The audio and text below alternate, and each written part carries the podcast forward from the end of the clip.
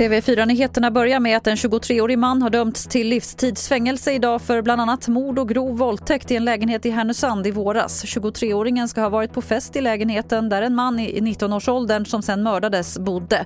Han har enligt åklagaren också våldtagit en kvinna i lägenheten under knivhot och knivhögg sen mannen till döds. SMHI utökar sina snöfallsvarningar till flera län. Klass 1-varning råder i Jämtland, Västernorrland, Gävleborg, Dalarna, Värmland, Örebro och Västmanland. I de norra länen kan det komma uppemot 15 cm snö och i Västmanland och Örebro upp till 5 cm. Och vi avslutar inom travsporten för den ikoniska travhästen Järvsöfax är död. Under förmiddagen idag fick den 26 år gamla hästen somna in.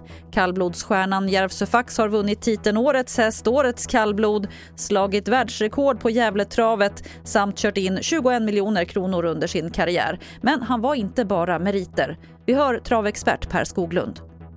Det är ju en sida av Järvsöfax. Den andra är ju att han förmodligen är den största som har funnits i betydelse för den svenska travsporten.